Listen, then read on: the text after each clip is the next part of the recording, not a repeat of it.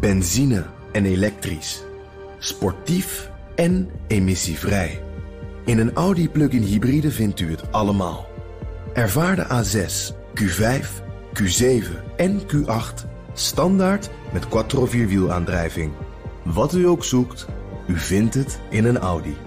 Audi. Voorsprong door techniek. BNR Digitaal wordt mede mogelijk gemaakt door SecureLink. SecureLink, part of Orange Cyber Defense. BNR Nieuwsradio. BNR Digitaal. Herbert Blankenstein. Welkom bij BNR Digitaal. Het Contract for the Web, Tim Berners-Lee's reddingsplan voor het wereldwijde web, is te vrijblijvend. Dat zegt softwareontwikkelaar Mozilla, een van de partijen die meehielp met de totstandkoming. Ze steunen het wel, maar ze vinden ook dat de tekst nergens toe verplicht. Te gast hier bij BNR Digitaal Bert Hubert van PowerDNS, welkom. En Jan Terpstra, beveiligingsdeskundige bij DXC Technologies. Hoi Jan. Hoi. Zeg Bert, um, dat Contract for the Web is een best een redelijk lijvig document. Een soort negen puntenplan. Uh, kun je dat eens voor ons samenvatten? Ja, het is een, een, plan dat eigenlijk alles probeert te fixen wat op dit moment niet goed is op internet. Dus het staat vol met van, joh, we zijn uh, tegen fake news. Um, iedereen moet op internet kunnen. Niets moet geblokkeerd worden. Vrijheid van meningsuiting moet gerespecteerd worden. Privacy moet gewaarborgd zijn. En uh, nou, het staat helemaal vol met goede bedoelingen. Kun je allemaal niet tegen zijn? Het, het, is vrijwel onmogelijk om er tegen te zijn. Ja. En het is dus ook met, met veel enthousiasme ontvangen. Want het staat vol met van die adviezen van het type poets je tanden. Zelfs dat. Ja, het is, uh, er is werkelijk, werkelijk niets is gemist. Um, maar het is inderdaad, zoals je zegt, bijna onmogelijk om er tegen te zijn. Want als je zegt van nou nee, ik vind privacy vind ik eigenlijk niet zo'n heel goed idee. En uh, ja, niet iedereen hoeft voor mij op internet. Dat zijn geen haalbare uh, kaarten. Ja, maar dan is het toch een prestatie als juist Mozilla, het bedrijf, ja, ja bedrijf, dat stichting is het eigenlijk geloof ik, hè, um, dat eraan heeft meegewerkt. Nou zegt dit is niet goed genoeg voor ons. Ja, nou dat is ook vrij concreet. Ik, ik vind ze eerlijk gezegd nog vrij slap. Zij zeggen namelijk van ja, iedereen kan dit uh, contract voor de web ondersteunen. Er staat ook een knopje op de website. Ja, dat is ook zo, want Google, Facebook, Microsoft, Twitter, allemaal uh, bedrijven waar je naar kunt wijzen als het juist gaat om wat is er mis met het web, die uh, zijn bij de eerste ondertekenaars. Ja, en het, het zou ook niks verbazen, want dat is een, een heel, heel vriendelijk document. Maar kijk, ieder privacy document dat als eerste wordt getekend door Google en Facebook dan weet je toch niet, dat, dat kan niet heel goed zijn. Nou, de, voornaamste kritiek van Mozilla is van ja, uh, uh, je hoeft het alleen maar te ondersteunen. Je hoeft niet te beloven dat je het ook gaat doen. En als nou blijkt dat Facebook, uh, ondanks wat ze beloven, toch de privacy van mensen grootschalig blijft schenden, wat ze wel moeten doen. Want anders kan je niet voor 150 miljard dollar per jaar in advertenties verkopen. Dan word je er niet uitgeschrapt of zo. Uh, nee, oké, zo straf. Want ik wilde al gaan vragen, wat moet je dan in vredesnaam hebben? Want je, het is geen wet, dus je kunt niet zeggen... als je hier, hier niet aanhoudt, ga je de gevangenis in. Maar jij zegt eigenlijk nu... Um, bedrijven die meedoen en dan in gebreken blijven... die moet je er dan weer uitgooien. Dan uh, gaan ze met pek en veren de straat op. Ja, het zou bijvoorbeeld een keurmerk moeten zijn. Je zegt van, joh, als je hier ja. niet aan voldoet... Dan, uh, dan krijg je het stempel niet meer, dan halen we hem weer weg. Maar dat is het helemaal niet. Het is een, een goed bedoelende lijst met, uh, met, met hele aardige dingen. Zo van, nou, we houden van privacy... en we gaan je precies vertellen hoe we je privacy totaal gaan schenden. Maar er staat bijvoorbeeld niet in van... nou, we houden op met het schenden van je privacy. Jan Terpstra. Ik vind ook dat een aantal zeer fundamentele zaken er niet in staan. Als je ziet naar de recente gebeurtenissen dat uh, bijvoorbeeld de top-level domain name service nu in eigendom zijn van Cloudflare en dat het .org top-level domein is verkocht aan een commerciële partij. Ja, waar dan uh, is, het bedrijf van Mitt Romney deel van uitmaakt. Ja, hè? De, ja. maar dan, dan is zeg maar het vrije en toegankelijke internet, daar stel ik al wat vragen bij. Want het is puur een commercieel gedreven actie geweest. Ja, wat had er dan wat jou betreft bij moeten staan? Je, gij zult geen .org verkopen aan, aan roofkapitalisten of zo? uh, ja, dat is wel heel voor de hand liggend. Um, ik ben van mening dat door de recente uh, ontwikkelingen... het heel belangrijk is dat, uh, de, dat dit manifest er gekomen is. Maar het gaat in mijn ogen niet ver genoeg. Het mm -hmm. had zeker door iemand die zo'n grote betekenis heeft gehad... bij de ontstaan van internet... had er wel iets forsere taal uit mogen komen. Ik vind het ja. allemaal een beetje net niet. Ja, je zegt het is wel belangrijk dat er zo'n document is. Uh, het document dat er nu ligt, wat kan dat volgens jou wel bereiken? Kan dat oh, iets awareness, dat men, uh, ja, okay. dat men zich realiseert wat er op het internet gebeurt. En dat dit ook een signaal is naar de individuele gebruikers, zoals jij en ik. Ja. Dat wij oplet, moeten letten op zaken die in dat manifest staan. En Ja. dat lijkt me overduidelijk voor mensen die al wat langer op internet zitten. Maar er komen elke dag nieuwe mensen op internet. En dat die begrip hebben van deze punten, vind ik wel belangrijk. Ja, dus Bert Hubert, Jan zegt bewustwording, dat is al heel wat. Is dat niet goed genoeg Nou, voor het, jou? het komt op mij over als eh, Shell en Esso die samen zeggen: joh, wij vinden het milieu heel belangrijk. En, Zeggen ze ook. Dat zeggen ze ook. En we willen dat je graag minder auto gaat rijden. Maar dat is Ja. niet. niet eh, het, ik begrijp het ben me eens dat het awareness is. Maar het is awareness die uit de verkeerde hoek komt. Ben ik met je eens. Dus het is, het is diepe awareness dat zegt van joh, let op, er zit suiker in cola. En eh, misschien moet je nadenken voordat je cola drinkt. En hier is een enorme advertentie voor nog meer cola. Ja. Oké, ehm, wat nu? Ja, wat nu? Dat is een hele goede vraag. Kijk, iemand moet het internet betalen. Dus, dus Ja. Facebook en Google verzamelen bij elkaar opgeteld 200 miljard dollar per jaar in advertentiegeld. Van ongeveer een miljard mensen. Dus eh, de deal die, waar het internet nu voor ligt, is dat wij een gratis eh, e-mail krijgen, een gratis Facebook, een gratis WhatsApp en een gratis zoekmachine. En in ruil daarvoor betaalt het bedrijfsleven 200 of 300 mil- miljard dollar per jaar aan advertenties.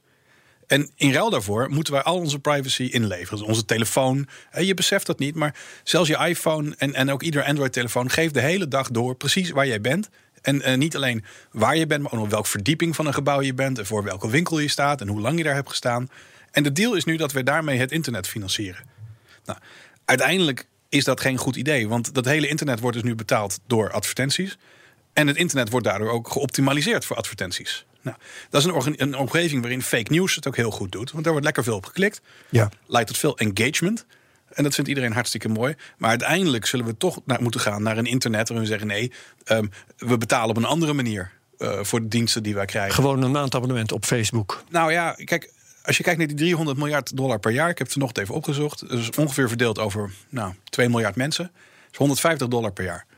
Ehm, dat zou toch op te moeten hoesten zijn, op een of andere manier. Ja, maar weet je, eh, als je de keus gaat krijgen tussen een betaald abonnement met privacy en een niet betaald abonnement eh, gratis eh, met wat minder privacy, dan weet ik wel waar de meeste mensen voor kiezen. En dan verandert er dus helemaal niks. Nee, dat klopt, maar dat ben ik met je eens. Maar de oplossing daarvoor ligt er niet in om Facebook te verplichten om een soort bijsluiter te gaan melden van, joh, let op, we luisteren je de hele dag af. Want op een of andere manier gaat die waarschuwing in een heel klein hoekje ergens rechtsonder komen. Met daarbovenop nog vier advertenties.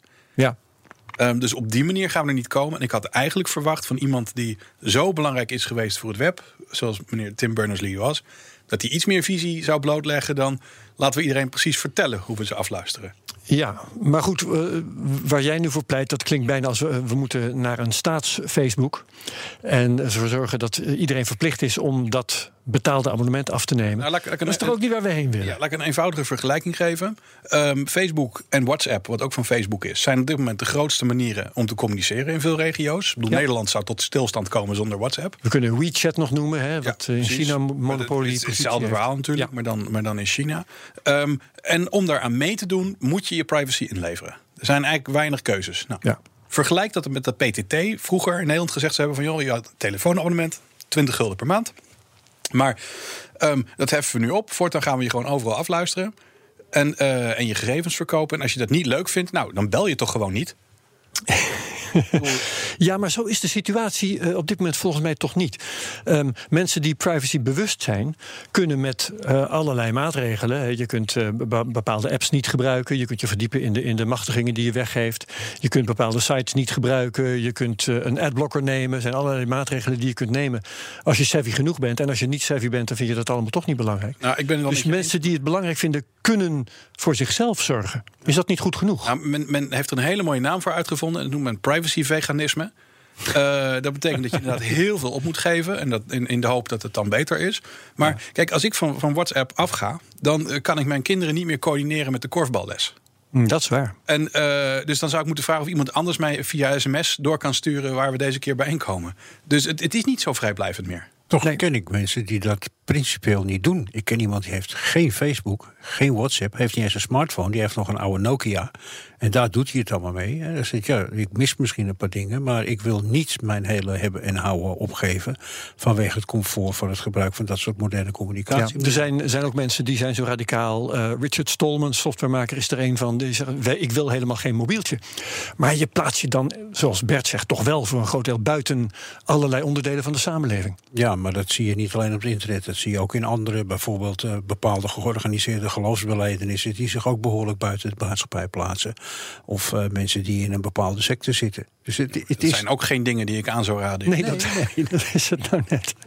ik, denk, ik denk trouwens dat de waarheid ergens in het midden zal liggen. Ik denk dat je keuze moet hebben. Oké, ik wil mijn privacy opgeven, prima, dat is allemaal gratis. En als ik ja. wat meer privacy heb, dan koop je in feite een stukje privacy. Ja dat je daar dan een bepaalde dat is, voor hebt. Ja. Iemand moet dat internet betalen. Dat is wat ik net zei. Um, Tim Berners-Lee, laten we daar nog even naar kijken. Uh, heeft die macht om meer te doen volgens jou, Bert?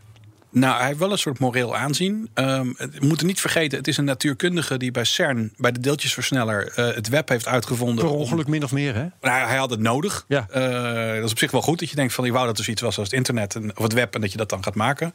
Maar het, het blijft een natuurkundige die, zoals de beste natuurkundige, een beetje wereldvreemd is. Um, in een interview wat er met hem werd gehouden toen het internet, nou, het web net tien jaar oud was, zei hij van ja, een van zijn grootste teleurstellingen en dat had hij toch echt niet aanzien komen, was dat mensen porno waren gaan kijken op zijn web. en, uh, en, iedereen die iets van technologische ontwikkelingen weet, die had dat mijlenver van tevoren zien aankomen. Um, dus het, het, ja, maar hij heeft nog steeds wel een moreel gezag. En zoals we zien, als hij iets zegt, dan haalt hij alle headlines. Maar hij had iets anders kunnen zeggen. 8, 12 of 24 tekens of zelfs een complete zin met leestekens, maar ook met uitzonderingen. Bij de ene organisatie mag bijna alles bij het bedenken van een wachtwoord. De andere heeft de raarste beperkingen. Zo direct in BNR Digitaal. BNR Nieuwsradio. BNR Digitaal. Welkom terug bij BNR Digitaal. Wie een wachtwoord moet bedenken of vernieuwen, die kent dat wel. De lijstjes met de vereisten. Als je die al te zien krijgt trouwens. Combinatie met een hoofdletter, leesteken en cijfer, dat is logisch. Maar de maximale lengte varieert bijvoorbeeld nogal. Terwijl het devies juist is, hoe langer een wachtwoord, hoe sterker het is. In die details zijn trouwens hele wonderlijke verschillen. Mijn gasten zijn Jan Terpstra, beveiligingsdeskundige bij DXC Technologies... en Bert Hubert van PowerDNS. Jan, um, die uh, vereisten voor een wachtwoord, zijn die nou volkomen willekeurig? We komen hele merkwaardige verschillen tegen als het gaat bijvoorbeeld om de leestekens. Ja, uh, ze zijn tegenwoordig soms wat willekeurig, maar je moet voor, om te begrijpen hoe dat gaat, even terug in de, in de geschiedenis. Op de oude mainframes had je acht posities, want dat was handig te hanteren vanwege de adresruimte in zo'n uh, zo'n mainframe. Ja, moest je ook van tevoren opgeven ja. in de software. Hè? Ja. En dat was dan meestal zeven tekens en daar zat er nog wat achter ter aanzien van welke recht hij in dat systeem had. Het kon netjes worden opgeslagen in acht tekens. Dus Eén byte. Ja, ja, ja. dat was eh, klaar. Dat is nee, dat is, dat is acht nee, het is, uh, het is ja. één uh, 32 bits woord. Maar dat, Laat maar zitten. Beperkingen, um, dan ook. Dus ja, dat was een beperking. En dat is jaren zo geweest. En toen kwamen er andere platforms, uh, onder andere Unix en uh, later uh, Windows NT, waar je dan een wachtwoordmanager in had. Toen kon het wat langer, maar men is altijd een beetje blijven aanschurken tegen die historie van acht, zeven tekens plus rechten en later werd het acht tekens. Um, de reden daarvan is eigenlijk een beetje onduidelijk. Misschien is het gewoon luiheid of een soort gewoonte in de industrie geworden dat die wachtwoorden maar heel kort zijn. Want er is geen enkele ja. technische beperking. Als je kijkt naar de oude oude toegangscontroles uit de mainframes. Die hadden beperkte geheugenruimte en moesten dat toch snel kunnen verwerken. Uh, als je kijkt bij de nieuwe Identity and Access Management systemen, ja, die hebben er een database onder hangen. Daar kun je, ja. ik wil niet zeggen oneindige lengte, maar een wachtwoord van 32 tekens of een zinnetje van 64 tekens zou in principe technisch mogelijk ja. moeten zijn. Um, ik, ik uh, herinner me van, van de tijd dat ik zelf nog wel eens iets moest uh, programmeren. Een, een, een, grens is wel heel logisch als je weet hoe uh, computerprogramma's uh, werken. Er moet een grens zijn, want anders dan is de adresruimte niet goed gereserveerd. Ja, dat klopt. Dus dat is logisch. Maar die, die grens die kan verder zo hoog liggen als je maar wil. Ja, er is geen technische beperking bij mij weten dat je niet een teken, een zinnetje van 64 ja. letters. Maar dan is het wel heel merkwaardig dat bij de ene organisatie, dat zagen we bijvoorbeeld, is de maximale lengte uh, 16 tekens. Bij de andere is het 20 en bij weer een andere is het bijvoorbeeld 25 tekens. En is niet eens meer een even getal. Dat is allemaal ja. zo vreemd. Ja. Enig idee hoe dat komt? Uh, ik denk dat dat een gewoonte is. Dat is ooit een keer besloten. Uh, je maakt een risicoanalyse hè, als je zo'n systeem opzet. En daar wordt een, bes een, besluit genomen van dat wij vinden bij uh, bedrijf X of bedrijf Y. dat de lengte van dit wachtwoord met deze complexiteit vanaf dit moment voor ons voldoende is. En dat ja. kiezen ze voor 12 tekens. En dat hebben ze misschien 10 of 15 jaar geleden gedaan. En het is altijd zo gebleven. Want dat is nou eenmaal de norm. Dat is en veranderen is natuurlijk ook altijd moeilijk. Veranderingen daarin is moeilijk, want het is niet alleen het huidige systeem waar, wat jij ziet op het web, wat aangepast moet worden, maar ook alle andere achterliggende systemen die misschien al wel veel ouder zijn ja. en die echt die fysieke technische beperkingen hebben, die moet je dan ook gaan aanpassen. Wat in mainframe-omgeving soms niet altijd uh, erg makkelijk is. Ja, maar lengte, uh, een karakter erbij, maakt een uh, wachtwoord heel snel veiliger, hè? Ja, dat is, ja, dat is zo. Er zijn twee aspecten. De complexiteit. Alleen de wachtwoordenraders, hè, dus de stukjes software die wachtwoorden raden, die zijn steeds slimmer.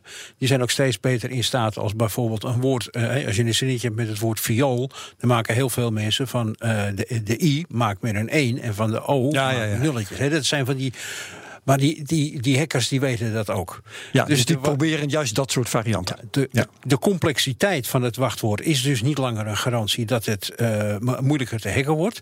Dus dat blijft er over. Je maakt het wachtwoord langer. En zelfs als je het wachtwoord één bitje, dat is wat onhandig, maar één bitje langer maakt, wordt de tijd om het te kraken gemiddeld genomen al twee keer langer. Ja. En dat werkt dus beter, sneller, effectiever dan het introduceren van die leestekens bijvoorbeeld. Dus eh, je kunt het beter langer maken dan uh, alle leestekens toelaten bijvoorbeeld. Ja, op dit moment is bij, bij mij en bij mijn vakgenoot in, in cybersecurity eigenlijk het credo: hoe langer dat wachtwoord, hoe beter. En als je er dan ook nog voor zorgt dat het enigszins complex is, dan is de kans dat het geraden wordt nog kleiner. Ja. Maar er speelt nog een factor mee. Dat is de tweede factor, de zogenaamde two-factor authentication. Juist. En Um, als je dat instelt, dan maakt het niet eens meer zo heel erg veel uit hoe lang en complex dat wachtwoord is. Dan kun je met een standaard wachtwoordregels, bijvoorbeeld maximaal 16 tekens, en een tweede factor, dus zo'n token waar zo'n getalletje in komt, of een appje op je telefoon, of sms, hoewel dat ook niet meer helemaal voor 100% veilig Soms is het zelfs een mailtje. Hè? Uh, soms is het een e-mail ja, die, ja. die je toegestuurd krijgt, of uh, via een speciaal daarvoor geschreven app, of bijvoorbeeld via de Google Authenticator. Of de YubiKey, zo'n ja, ding. Bijvoorbeeld, ja. ja. Er zijn heel veel uh, mogelijkheden. En dan voeg je een tweede factor toe. Dus als iemand de wachtwoorddatabase met jouw gebruikersnaam en wachtwoord steelt en jouw wachtwoord weet te herleiden, dan heeft hij nog steeds niet de tweede factor, bijvoorbeeld ja. dat token of die. Het gaat om de combinatie van iets wat je weet, dat is dat wachtwoord, en iets wat je hebt. Hè? Ja, dat is dat meestal een apparaat waar dan een code uitkomt. Ja, en ik pleit er echt voor dat uh, iedereen die tegenwoordig een website heeft waar die uh, mensen van buiten op toelaat, dat die gewoon domweg two-factor authentication uh, verplicht maakt. In welke vorm dan ook? In welke vorm dan maar is er een beste? Uh, de, of een slechtste? Nou, het beste is wel een fysiek token. Uh, dat is zo'n zo, zo scannertje of iets Een kastje waar, waar dan een getal op komt. Dan moet je een handeling plegen, bijvoorbeeld met je bankpasje of gewoon iets op dat ding indrukken. Ja. Dan komt de code aan. Die code is gerelateerd aan het achterliggende systeem waar jij probeert aan te loggen. En dat is een eenmalige code. En eenmalige codes hebben de prettige eigenschap dat ze maar één keer werken. Dus eigenlijk niet meer ach te achterhalen zijn, omdat ze na één keer gebruik al niet meer geldig zijn. Ja.